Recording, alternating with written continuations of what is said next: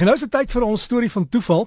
En onthou wanneer dit kom by stories van toeval in ons resepte, uh, RSG by die reg om dan dit te gebruik uit te gee of digitaal of in boekvorm en te verkoop sonder om weer toestemming te kry of vergoeding aan aan die persoon wat ingestuur het te gee.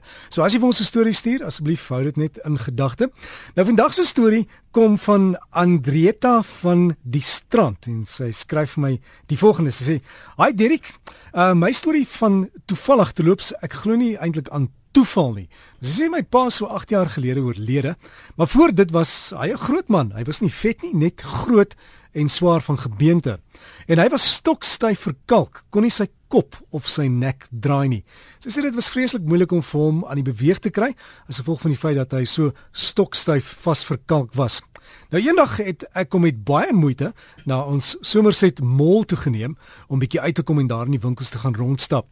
En op die roltrappe staan ek toe maar agter my pa net vir ingeval. En hoe dit ook al sê, trap my pa oor twee trappies en toe die trappies begin skuif, val hy agteroor. Nou hy was veel te swaar vir my om te hanteer en ek skree toe vir hulp, maar blyk nie of daar iemand is nie. En toe ewe skielik, hier uit die bloute, kom daar 'n sekuriteitswag na my toe en hy stop die trappe met die druk van 'n knop hierdie roltrappe.